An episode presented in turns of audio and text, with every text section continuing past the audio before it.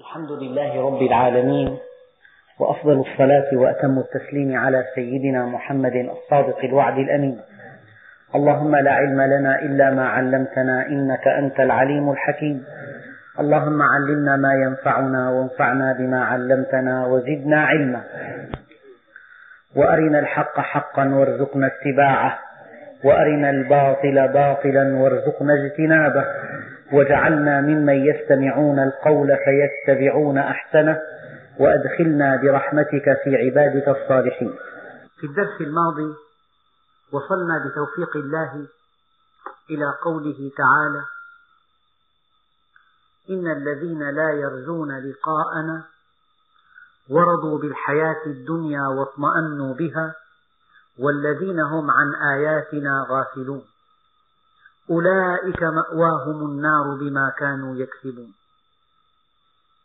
كما قال عليه الصلاة والسلام الناس رجلان مؤمن بر تقي كريم على الله وفاجر شقي هين على الله. هؤلاء الذين لا يرجون لقاءنا ورضوا بالحياة الدنيا واطمأنوا بها. كانت أكبر همهم ومبلغ علمهم ومنتهى طموحاتهم واستغنوا عن رحمة الله وأداروا ظهرهم للقرآن وجعلوا ما بعد الموت خارج اهتمامهم. هؤلاء كما قال الله عنهم مأواهم النار بما كانوا يكسبون. لكن الذين آمنوا لهم حال أخرى. فربنا سبحانه وتعالى يقول إن الذين آمنوا وعملوا الصالحات يهديهم ربهم بإيمانهم. يهديهم ربهم بإيمانهم تجري من تحتهم الأنهار في جنات النعيم. دعواهم فيها سبحانك اللهم وتحيتهم فيها سلام. وآخر دعواهم أن الحمد لله رب العالمين. إن الذين آمنوا. فالإيمان عمل. هذا الذي يقول لك أنا مؤمن. يجب أن تقول له متى آمنت؟ كيف آمنت؟ ما الدليل على وجود الله؟ ما الدليل على ربوبيته؟ ما الدليل على ألوهيته؟ متى آمنت؟ هل خصصت وقتا كل يوم كي تؤمن؟ هل جلست مع نفسك تتأمل في ملكوت السماوات والأرض؟ أما أن يسمع الإنسان شيئا فيقوله كما سمعه هذا لا يسمى إيمانا. لأن الله سبحانه وتعالى يقول أحسب الناس أن يتركوا أن يقولوا آمنا وهم لا يفتنون. الإنسان له أن يدعي أنه مؤمن. هذه بيده. كلمة يقولها أنا مؤمن. لكن هل تظن أن الله سبحانه وتعالى سيترك هذا الإنسان يدعي أنه مؤمن؟ ولا يضعه في مواقف معينة تكشف حقيقته.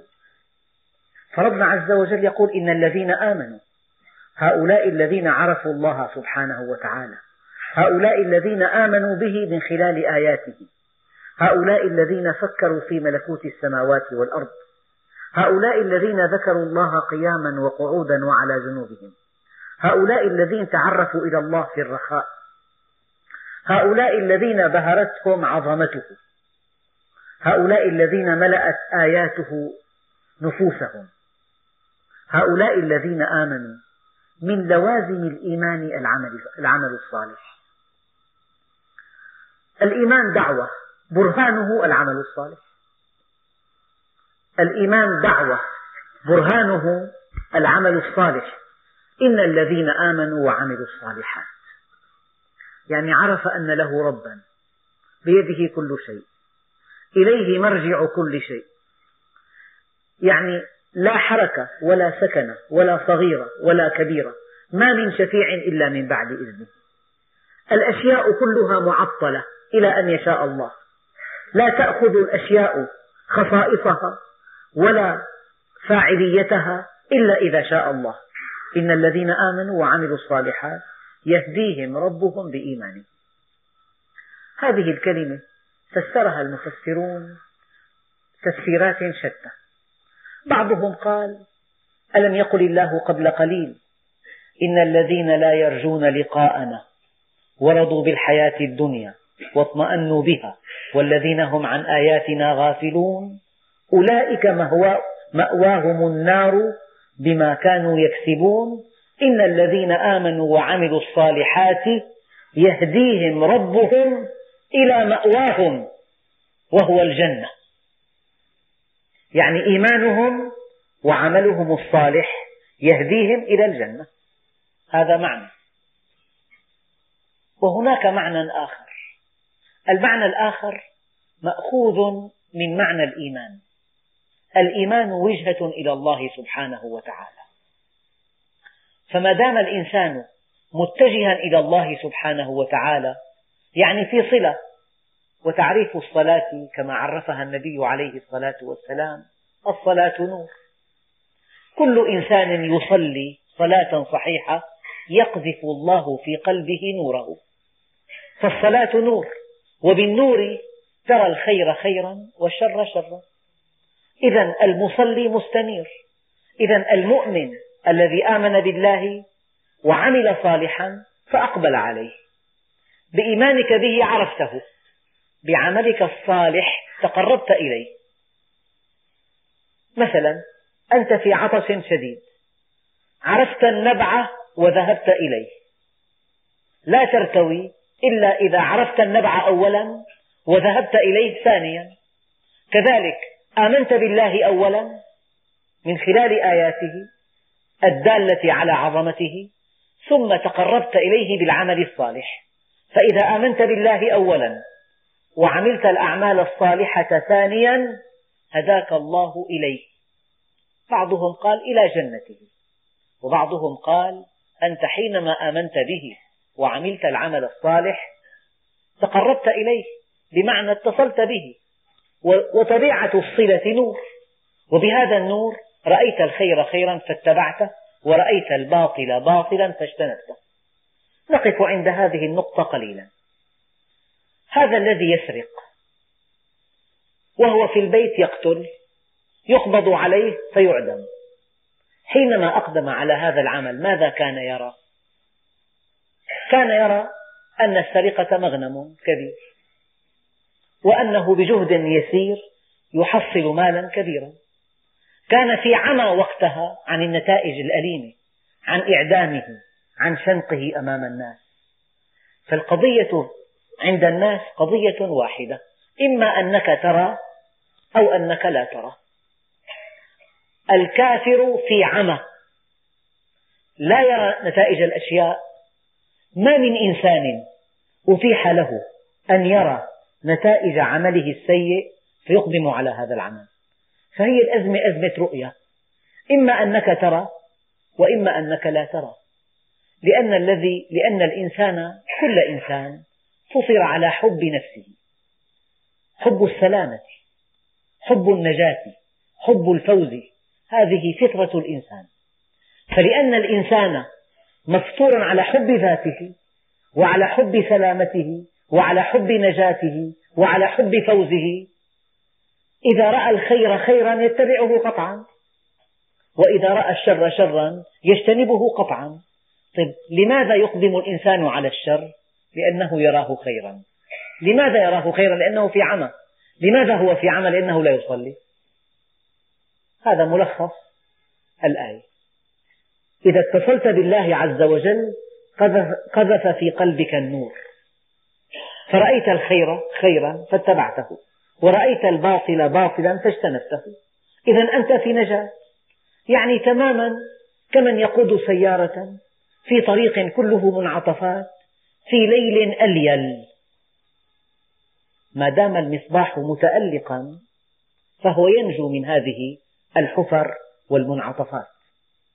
لكن إذا انطفأ الضوء فجأة لا بد من أن يتدهور. وهذا الذي لا يصلي مقطوع عن الله عز وجل. إذا هو في عمى إذا يرى يرى المعصية مغنما. يرى كسب المال بطريقة غير مشروعة مغنم كبير وذكاء وقدرة على اقتناص المناسبات وفوز عظيم. لكن الذي يرى يرى يرى الحسيب العليم يرى الديان يرى عدالة الله سبحانه وتعالى. لا بد من أن يذهب المال من حيث أتى. لا بد من أن يتلف المال ويتلف صاحبه معه. من أصاب مالا في مهاوش أذهبه الله في نهابر القضية قضية رؤية. سيدنا يوسف لماذا صار عزيز مصر؟ لأنه حينما راودته هذه المرأة امرأة العزيز كان ذا بصيرة. كان متصلا بالله عز وجل فرأى نتائج الزنا وكيف أنه قبيح بصاحبه وكيف أنه خيانة لسيده وكيف أنه معصية لربه. فقال معاذ الله إنه ربي أحسن مثواي. فجعله الله عزيز مصر. ولو أنه لبى نداء جسده كما يقولون ولو أنه لبى نداء جسده لكان في أسفل سافلين. لما كان سيدنا يوسف. قيل لأحد العارفين متى يكون داؤها دواءها؟ النفس يعني. متى يكون داؤها دواءها؟ فقال هذا العارف بالله إذا خالفت هواها. لأن هواها هو داؤها. ودواؤها بمخالفة الهوى. إن اتباع الهوى هوان. وخجلتي من عتاب ربي. إذا قال لي أسرفت يا فلان. إلى متى أنت في المعاصي؟ تسير مرخى لك العنان. عندي لك الصلح وهو بري وعندك السيف والسنان ترضى بأن تنقضي الليالي وما انقضت حربك العوام فاستحي من شيبة تراها في النار مسجونة تهان. واستحي من كتاب كبير كريم يحصي به العقل واللسان. يعني لما الإنسان يكون في عمى يأكل مال حرام. فيكون الجزاء عاجلا. يتلف الله ماله. وقد يتلفه مع ماله.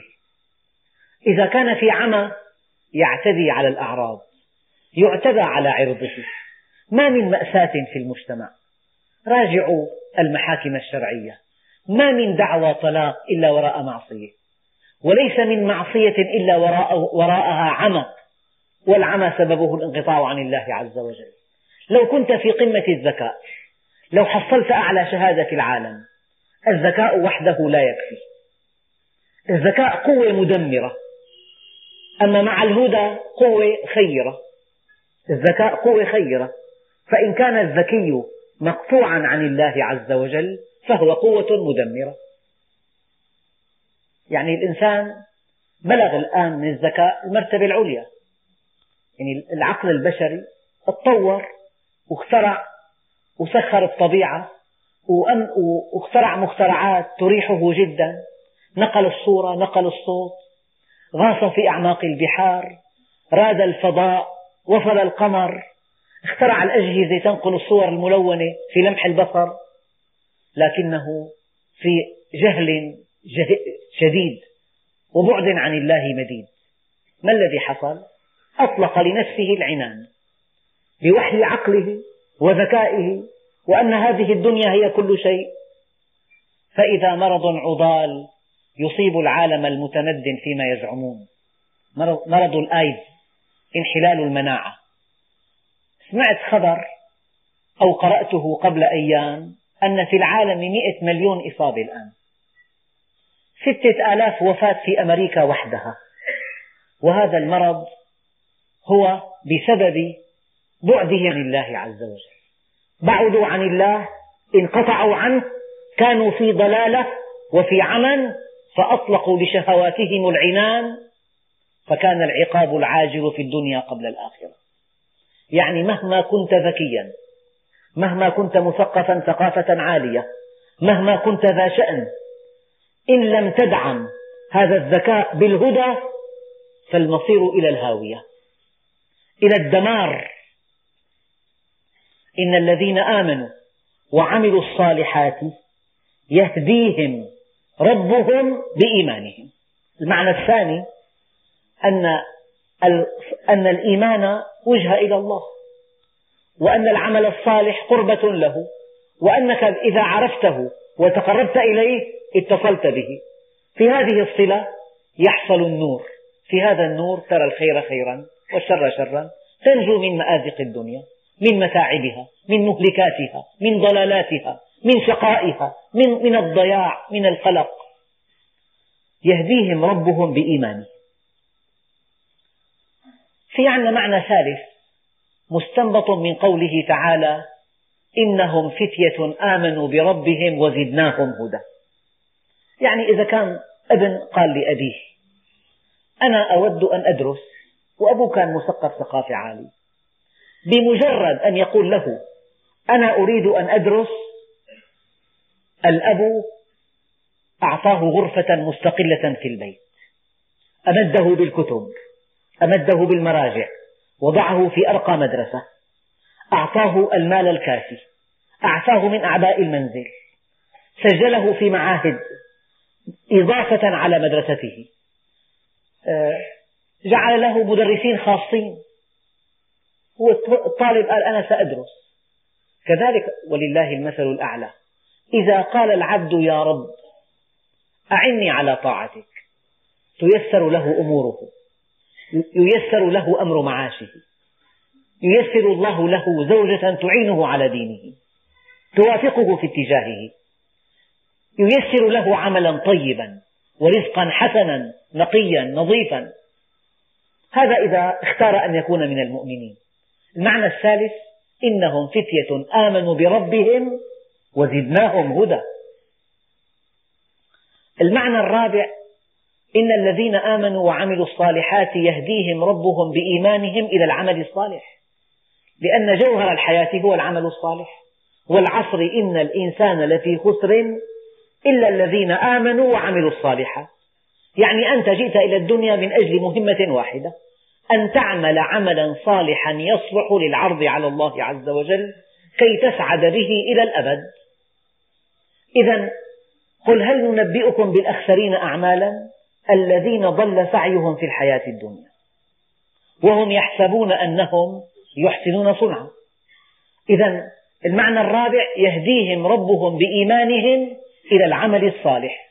الله عز وجل يقدر على يديك الأعمال الصالحة الكبيرة. يعني إذا أراد ربك إظهار فضله عليك خلق الفضل ونسبه إليك. ما من مخلوق على وجه الأرض يحب العمل الصالح كسيدنا رسول الله صلى الله عليه وسلم. لذلك قدر الله على يديه هداية البشر. وأرسلناك للناس كافة. وجعله بابه الأوحد.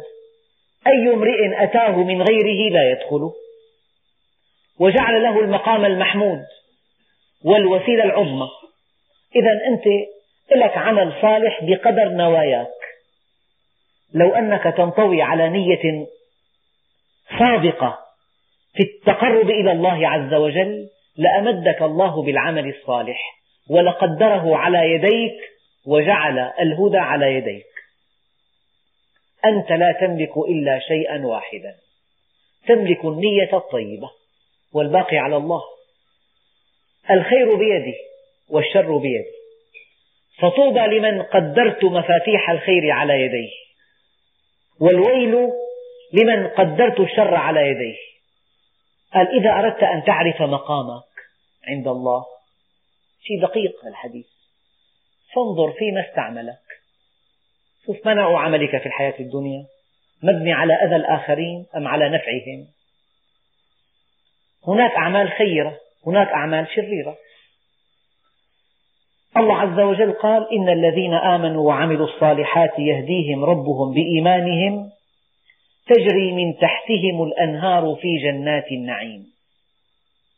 والله هذا عطاء. هذا الذي يسمى العطاء. أما العطاء في الدنيا لا يسمى عطاء إنه ابتلاء. لأنه منقطع. هل يصح أن أن تقول لعطاء قليل يسير مؤقت عطاء الكريم لا يعطي هكذا. لذلك قال سيدنا علي الغنى والفقر بعد العرض على الله.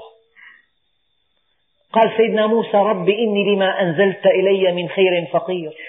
أنا مفتقر يا رب العمل الصالح. يعني الحقيقة التي لا مراء فيها ولا مجاملة. إذا الإنسان حياته مبنية على عمل وكسب مال وراحة واسترخاء وطعام وشراب ونوم وخدمة نفسه والعناية ببيته فقط وما له عمل صالح والله هذا هو الفقر بعينه. حتى أن بعضهم وجه قول سيدنا علي كاد الفقر أن يكون كفرا. بعضهم وجه هذا القول بمعنى أن الفقر من العمل الصالح هو كفر بالله عز وجل. يعني آمنت به وعرفت أنه عظيم وعرفت أن هناك جنة عرضها السماوات والأرض وهناك نار ولا تتقرب إلى الله بالعمل الصالح. إذا هذا أحد أنواع الكفر. كاد الفقر من العمل الصالح أن يكون كفرا. ولكل درجات مما عملوا. لك عند الله حجم. حجمك بحجم عملك الصالح. ماذا فعلت؟ ماذا ضحيت؟ ماذا أنفقت؟ كم هديت؟ ألك عمل صالح باتجاه الهدى والدعوة إلى الله؟ ألك عمل صالح باتجاه إنفاق المال؟ ألك عمل صالح باتجاه تقديم خدمات للمؤمنين هل عاونت مؤمنا؟ هل أنقذته من ورطة؟ هل عدت مريضا؟ هل دللت ضالا؟ هل ضحيت بوقتك من أجل أخيك؟ هل عملت عملا يرضي الله عز وجل؟ الحقيقة الإنسان ما بيتمكن أيام يقابل إنسان له شأن. ما في وقت. انتظر شهر. لكن ربنا عز وجل قال فمن كان يرجو لقاء ربه فليعمل عملا صالحا. رب العزة خالق السماوات والأرض. إذا أردت أن تقابله أن تلقاه فعليك بالعمل الصالح. والدليل اعمل عملا صالحا خالصا لوجه الله.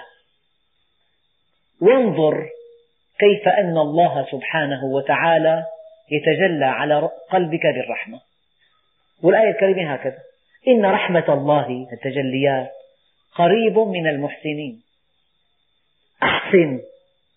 قال لي شخص كان جاي من مرر بدمر الساعة 12 بالليل. قصة أنا حكيتها سابقا. إيه، شاف امرأة واقفة حاملة طفل ومعها رجل. توقع أنه بحاجة ماسة لمساعدة. وإذ الابن حرارته 41 والأم لا تدري ماذا تفعل مع زوجها. قال لي أخذتهم لمستشفى. ولطبيب مناوب ولصيدلي مناوب وأخذ إبر بمستشفى. للساعة أربعة الصبح لحتى خلص رجعتهم لدمر مكان سكناهم ورحت لبيتي.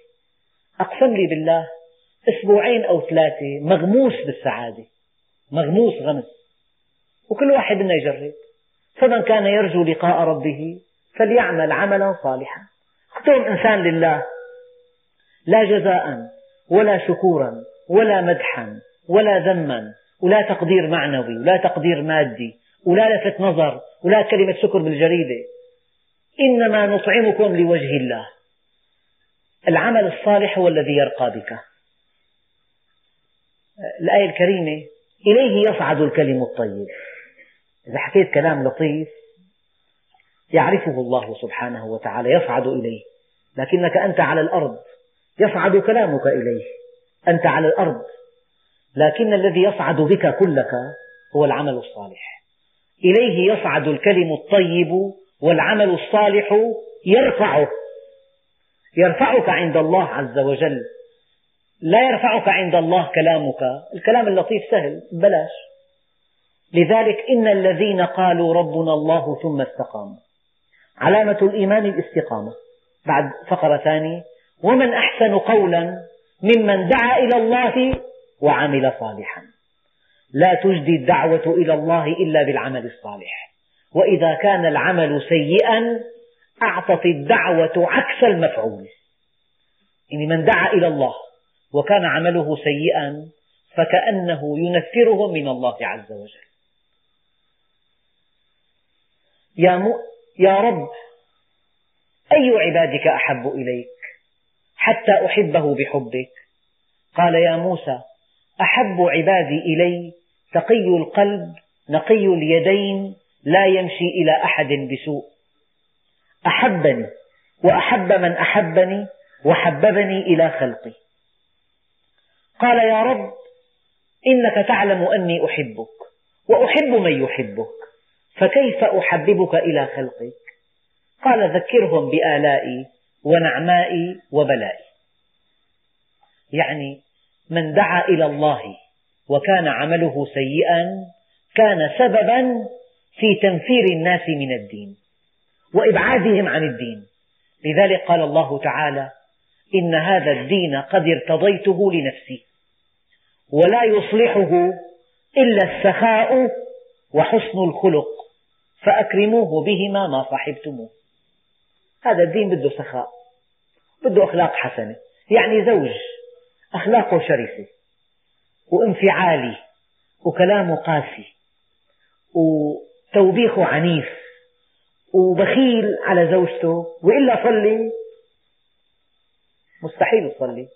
وإن صلت بلا وضوء كي تغيظه. ما كنت تصلي بدون وضوء. لكن هذا الدين لا يصلحه إلا السخاء وحسن الخلق. بده سخاء بده حسن خلق. لحتى ربنا عز وجل علمنا كيف ندعو إليه. قال الله تعالى مخاطبا نبيه الكريم قل لا تسألون عما أجرمنا ولا نسأل عما تعملون. أنتم تعملون نحن أجرمنا. يعني هذا هو الأدب الجم. يعني إن كنتم تعتقدون أننا مجرمون بهذه الدعوة أنتم معفون من السؤال عن هذه الجريمة. ونحن لا نسأل عما تجرمون لا لا عما تعملون. يعني يجب أن تنتقي ألطف كلمة. ولو كنت فظا غليظ القلب لانفضوا من حولك. فاعف عنهم واستغفر لهم وشاورهم في الأمر فإذا عزمت فتوكل على الله. دعواهم فيها سبحانك اللهم وتحيتهم فيها سلام وآخر دعواهم أن الحمد لله رب العالمين. دعواهم المعنى الأول دعاؤهم يعني. والمعنى الثاني الدعوة العبادة. والمعنى الثالث يعني ملخص علاقتهم بالله سبحانه وتعالى. منذ أن خلقوا في الأزل وحتى الأبد سبحانك اللهم وتحيتهم فيها سلام وآخر دعواهم أن الحمد لله رب العالمين. يعني أيام بتلخص علاقتك كلها بكلمة علاقة الإنسان مع ربه منذ أن خلقه وحتى الأبد. سبحانك اللهم. يعني ما أعظم شأنك يا رب. وتحيتهم فيها سلام. ومن الله السلام. الطمأنينة الأمن التجلي السعادة. وملخص السلام والتسبيح وآخر دعواهم أن الحمد لله رب العالمين. بعضهم قال لما سيدنا يونس دخل في بطن الحوت كيف دعا ربه؟ قال لا إله إلا أنت سبحانك إني كنت من الظالمين. ما دعا؟ سبح الله ونزهه ومجده. قال العلماء تنزيه الله وتمجيده وتسبيحه أحد أنواع الدعاء.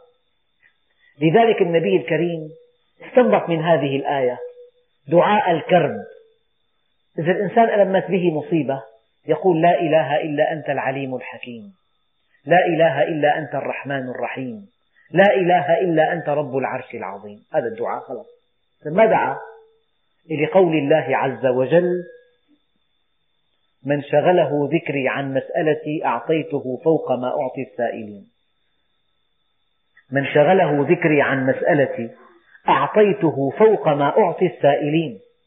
لما قال سيدنا يونس لا إله إلا أنت سبحانك إني كنت من الظالمين فاستجبنا له. معناها دعاء هذا. لكن سيدنا يونس شغله تعظيم الله سبحانه وتعالى والاعتراف بذنبه عن طلب الخلاص. فاستجبنا له. ونجيناه من الغم وكذلك ننجي المؤمنين. يعني إذا الإنسان بضائقة قال له سبحانك يا رب ما أرحمك. هي مصيبة قاسية جدا. سبحانك يا رب ما أعدلك. سبحانك يا رب ما أحكمك. إنني صابر لحكمك يا رب. قال هذا دعاء. دعاء. ويقتضي الإجابة. النبي الكريم استنبط من هذا الدعاء.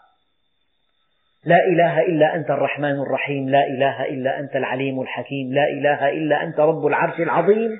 قال هذا دعاء الكرب.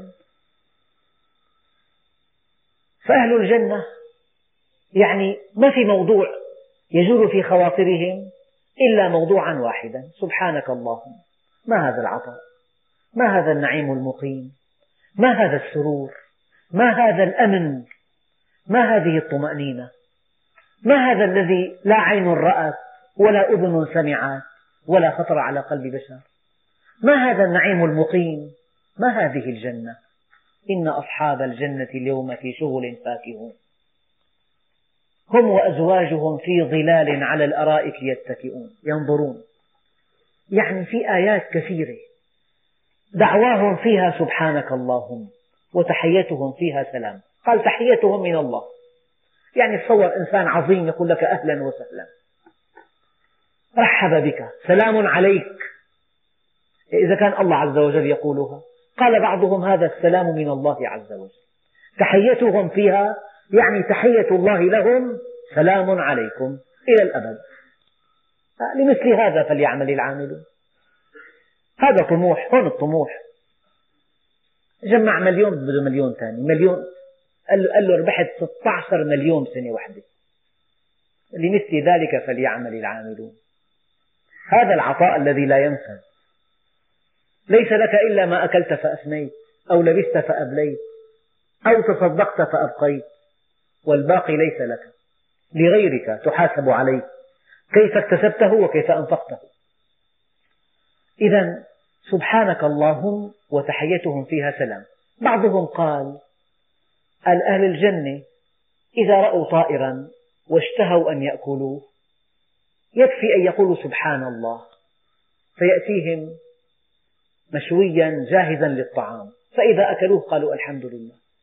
يعني ما في طلبات الأيام إذا واحد غالي على الثاني كثير قال له والله الكنزة حلوة قال له مقدمة رأسا. قال له حلوة بس معناها اشتهاها. فأهل الجنة يكفي أن يقولوا سبحان الله لشيء جميل يصبح بين أيديهم. فإذا تناولوه يعني يقولوا الحمد لله رب العالمين. هذا المعنى الآخر من معاني سبحانك اللهم. وتحيتهم فيها سلام وآخر دعواهم أن الحمد لله رب العالمين. بعضهم قال إن الله ليرضى عن العبد ليرضى عن العبد. إذا أكل الأكلة أو شرب الشربة أن يحمد أن يحمده عليها. إذا الإنسان أكل أكلة كان بحبها وشبع. الحمد لله رب العالمين. يا رب لك الحمد والشكر والنعمة والرضا.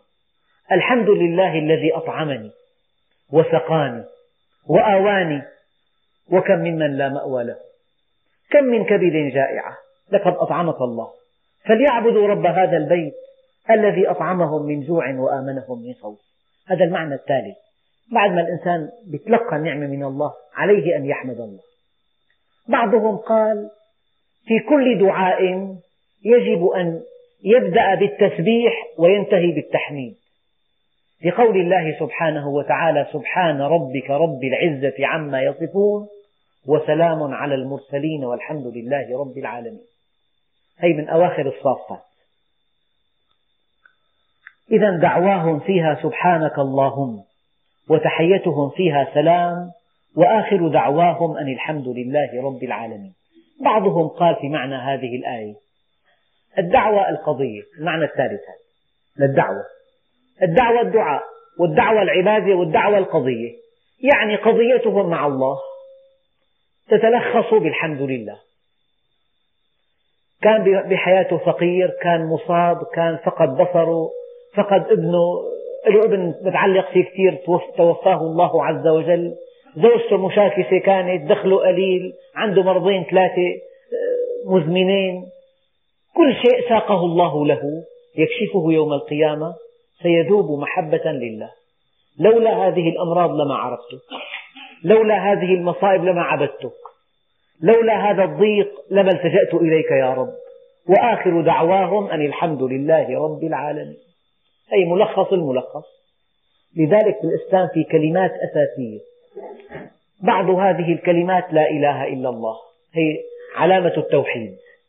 بعض هذه الكلمات الله أكبر شعار المسلمين. الله أكبر. الكلمة الثالثة الحمد لله. الحمد لله. لا إله إلا الله. والله أكبر ولله الحمد. أي ثلاث كلمات أساسيات في الدين. ولو يعجل الله للناس الشر استعجالهم بالخير لقضي إليهم أجلهم.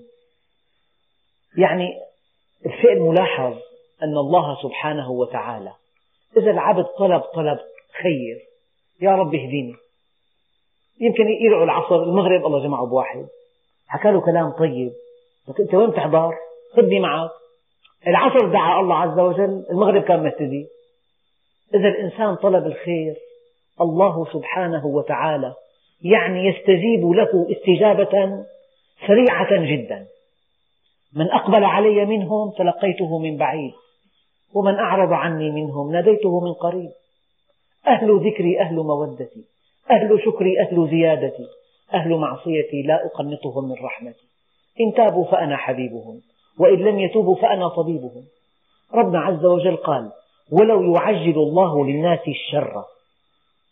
يعني أكل مال حرام. قام قسمه مات. لجهنم. بياكل مال حرام. بسلمه وبيعتدي على أعراض الناس. بيخليه حي مثل حصان. وبيظلم. وبيمد بحياته. ربنا عز وجل قال ولو يعجل الله للناس الشر استعجالهم بالخير لقضي إليهم أجلهم. إيه كان أهلك الناس كلها لجهنم. لكن ربنا عز وجل حليم. إذا الإنسان طلب الخير يعجل الله له به. فإذا طلب الشر أمهله. لعله يتوب لعله يندم لعله يرجع لعل الله يخرج من صلبه من يوحد الله. يا محمد سيدنا جبريل قال له الطائف. أمرني ربي أن أكون طوع إرادتك. لأهل الطائف. ما آلموه وردوه وكذبوه واستهزأوا به. لو شئت لأصدقت عليهم الجبلين. قال له لا يا أخي اللهم اهد قومي فإنهم لا يعلمون. يعني إذا كان طبيب أسنان وحط الآلة بسن الطفل وقام الطفل سبه بيقلعه يعني. اللهم اهد قومي فإنهم لا يعلمون. لعل الله يخرج من أصلابهم من يوحد الله. كل ما ارتقى إيمانك تترفع عن الانتقام نهائيا. لو أساء بالداري. لو ارتكب معصية أمامك لا تيأس منه. لكن المؤمن ضيق الأفق إذا كان شاف واحد عاصي يسبه أما المؤمن العالي يحوطه. قال الإمام مالك ماشي في الطريق رأى رجل سكير ملقى على الأرض والزبد على فمه. ويقول الله فآلمه أن يخرج هذا الاسم العظيم من فم سكران. فأخذه إلى البيت ونظفه وأكرمه وأطلقه. جاء إلى المسجد صباحا فرأى رجلا يصلي ويبكي ويعبر عن عن شوقه لله عز وجل. فقال يا هذا من أنت؟ فقال سيدنا مالك رأى في المنام رب العزة. قال له يا مالك طهرت فمه من أجلنا فطهرنا قلبه من أجلك. فقال له من أنت يا رجل؟ قال إلا إن الذي شفاني أخبرك بحالي. الإنسان لا يأس من واحد شارب خمر. قد يكون هذا يتوب ويسبق العابدين ما بتعرف. الصلحة بلمحة لأنه. قد يكون واحد مرتكب معصية وقام ندم. وقال له يا رب ندمت. قال إذا قال العبد يا رب وهو راكع. قال الله لبيك يا عبد. فإذا قال الله يا ربي وهو ساجد قال لبيك يا عبدي. فإذا قال, فإذا قال العبد يا رب وهو عاص قال لبيك ثم لبيك ثم لبيك. يعني ما من شيء أحب إلى الله من شاب تائب. إذا تاب العبد توبة نصوحة أنسى الله حافظيه. الملكين والملائكة وبقاع الأرض كلها خطاياه وذنوبه. إذا تاب العبد الإسلام يجب ما قبله. الإسلام يهدم ما كان قبله. والله ستير. قال له يا رب من هذا الذي يعصيك؟ وأنت لا تمطرنا مطر نزلت. والإنسان ما غدر, ما غدر قوم سيدنا موسى. قال له عجبت لك يا موسى. أأستره عاصيا وأفضحه تائبا. تاب. لما الإنسان يتوب إلى الله انتهى كل شيء. إذا تاب العبد توبة نصوحة نادى مناد في السماوات والأرض أن هنئوا فلانا فقد اصطلح مع الله. انتهت مشكلته. يعني الكلمة الحقيقية هنيئا هنيئا لمن تاب توبة نصوحة. وإذا الإنسان تاب يحس حاله خف وزنه كثير بينام نوم عميق. ما, ما في عليه ذنوب ما في عليه حقوق. لو أن الله قبضه في الليل يعلم مصيره إلى الجنة. فلو يعجل الله للناس الشر استعجالهم بالخير لقضي إليهم أجلهم. يعني سيدنا خالد لو أن الله بده يأخذه وهو يحارب النبي عليه الصلاة والسلام وبعث له سهم أم روحه عم يحارب رسول الله. بعدين صار سيدنا خالد بعدين؟ بعدين صار سيف الله مسلول عكرمة ابن أبي جهل أعدى أعداء الإسلام صار سيدنا عكرمة. عمير بن وهب صفوان بن أمية صناديد الكفر.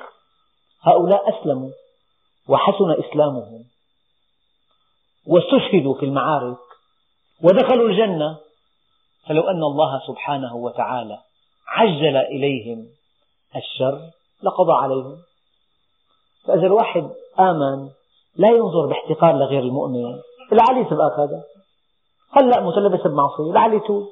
كن متواضع. اكرمه. هذا العاصي أكرمه. تقرب إليه. لعله يلين قلبه. يعني قال بشر الحافي كان مسرف على نفسه كثير بالمعاصي. واحد طلع عليه الباب. خمر ونساء وجواري ومشاكل. طرق عليه الباب. قال له طبعا طلع غلام. قال له قل لسيدك إن كان حرا فليفعل ما يشاء وإن كان عبدا فما هكذا تصنع العبيد؟ هيك العبد بيساوي بيعصي مولاه فتبعه حافيا. مالك ابن دينار مرة دخل للمسجد وكان في حوله أناس كثيرين فوقفوا له تعظيما لشأنه فاستحيا من الله. قال أنا كنت قاطع طريق وشقيا من الأشقياء. تزوج جاءته فتاة صغيرة جميلة فكانت تخفف من من شرافته. نام مرة فرأى ثعبانا تنينا يتبعه وقد انخلع قلبه وهو يفر منه من واد إلى جبل إلى أن أدركه التعب وكاد يقع. فرأى ابنته الصغيرة في المنام. فأشارت إلى الثعبان فابتعد عنه. قال لها يا بنيتي من؟ قال من أنت؟ قالت أنا عملك الصالح. قال فمن هذا التنين؟ قال هذا عملك السيء. يا ثعبان مخيف هذا عمل سيء. فاستيقظ وتاب من من وقته وقبلت توبته وصار من كبار العارفين بالله. فالإنسان لا ييأس. شوف واحد ما بيصلي وينباع بالعزاء ليش؟ واحد مقصر. لا اخدمه وتقرب له لعل يلين قلبه إذا أنقذت واحد من المعصية لك أجر أكبر بكثير. مما تنقذ واحد يعني بيصلي. إذا ولو يعجل الله للناس الشر استعجالهم بالخير لقضي إليهم أجلهم فنذر الذين لا يرجون لقاءنا في طغيانهم يعمهون. يعني هؤلاء الكافرون في الجنة وفي الآخرة نذرهم أحياء. نذرهم أحياء يأكلون ويشربون ويطغون ويعمهون فلعلهم يهتدون. اذهب يعني دائما الله عز وجل لا ييأس من الإنسان. يحاول ويحاول إلى أن يهتدي. وإذا مس الإنسان طبعا يعمهون من العمى والعمى غير العمى. العمى عمى العين أما العمى عمى القلب. فلان أعمى بالهاء يعني قلبه أعمى. إنها لا تعمى الأبصار ولكن تعمى القلوب التي في الصدور. إذا من حكمة الله سبحانه وتعالى أن من حكمة الله سبحانه وتعالى أنه يعطي المقصر والعاصي فرصة كي يتوب. يروى أن النبي عليه الصلاة والسلام كان في غزوة. وكان من حوله يركبون الجمال. سمع أحدهم يقول لعنك الله. يخاطب ناقته. فقال عليه الصلاة والسلام من هذا اللاعن؟ من هو؟ فقال أنا يا رسول الله. فقال انزل عنها فلا تصحبنا بملعون. وقال عليه الصلاة والسلام لا تدعوا على أنفسكم ولا تدعوا على أولادكم ولا تدعوا على أموالكم. الدعوة على الولد ما بيجوز ولا على المال ولا على النفس. الله يقصف عنه يقصص منكم. بيقولوا الناس كثير ما بيجوز هي بساعة الغضب بدي على حاله ما بيجوز ولا على أولادك ولا على مالك. هذا مما نهى عنه النبي عليه الصلاة والسلام. وإذا مس الإنسان الضر دعانا لجنبه. أو قاعدا أو قائما. فلما كشفنا عنه ضره مر كأن لم يدعنا إلى ضر مسه كذلك زين للمسرفين ما كانوا يعملون. والحمد لله رب العالمين. هذا أبو محمد. إذا الآيتان إن الذين لا يرجون لقاءنا ورضوا بالحياة الدنيا واطمأنوا بها والذين هم عن آياتنا غافلون. أولئك مأواهم النار بما كانوا يكسبون. هذا الصنف الأول. إن الذين آمنوا عرفوا ربهم وعملوا الصالحات يهديهم ربهم بإيمانهم إلى الجنة وإلى العمل الصالح وإلى معرفة الحقائق. يهديهم ربهم بإيمانهم تجري من تحتهم الأنهار في جنات النعيم دعواهم فيها سبحانك اللهم وتحيتهم فيها سلام وآخر دعواهم أن الحمد لله رب العالمين ولو يعجل الله للناس الشر استعجالهم بالخير. يعني إذا الإنسان دعا على نفسه أو على أهله أو على أولاده أو على ماله الله عز وجل ما بيستجيب. يعطيه مهلة. النبي الكريم عليه أتم الصلاة والتسليم. قال إني سألت ربي عز وجل ألا يستجيب دعاء حبيب على حبيبه من طلبات النبي الخاصة لله عز وجل أنه إذا إنسان دعا على حبيبه بالهلاك الله ما يستجيب له. يعني إذا أم قالت لابنها دعت عليه دعوة ولا واحد آمين تنغاظ منه. إذا لا تعني ما تقول الأم. فإني سألت ربي ألا يستجيب دعاء حبيب على حبيبه إذا دعواهم فيها سبحانك اللهم وتحيتهم فيها سلام ولو يعجل الله للناس الشر استعجالهم بالخير. الخير معجل أما الشر مؤجل. فالإنسان بينوي الشر يطلب الشر لا يحقق يؤخر يؤخر إلى أن يصر عليه عندئذ يكون إخراجه أفضل من كبته. أما إذا طلب الخير مباشرة يهديه الله إلى طريق الخير. لذلك الآية الكريمة والذين جاهدوا فينا لنهدينهم سبلنا. إذا تقرب إلي عبدي شبرا تقربت إليه ذراعا. وإذا تقرب إلي ذراعا تقربت إليه باعا. وإذا أتاني مشيا أتيته هرولة. إذا كان ثلث الليل الأخير نزل ربكم إلى السماء الدنيا. فيقول هل من مستغفر فأغفر له؟ هل من تائب فأتوب عليه؟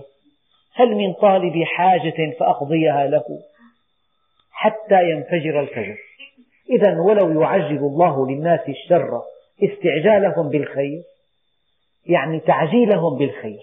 يعني الله عز وجل إذا سأله العبد خيرا أجابه سريعا. فإذا سأله الشر أخره. إلى أن يصر عليه. فإذا أصر عليه أخرج, أخرج هذه الشهوة من نفسه ثم حاسبه عليها لو فعل الله ذلك لقضي إليهم أجلهم فنذر الذين لا يرجون لقاءنا في طغيانهم يعمهون.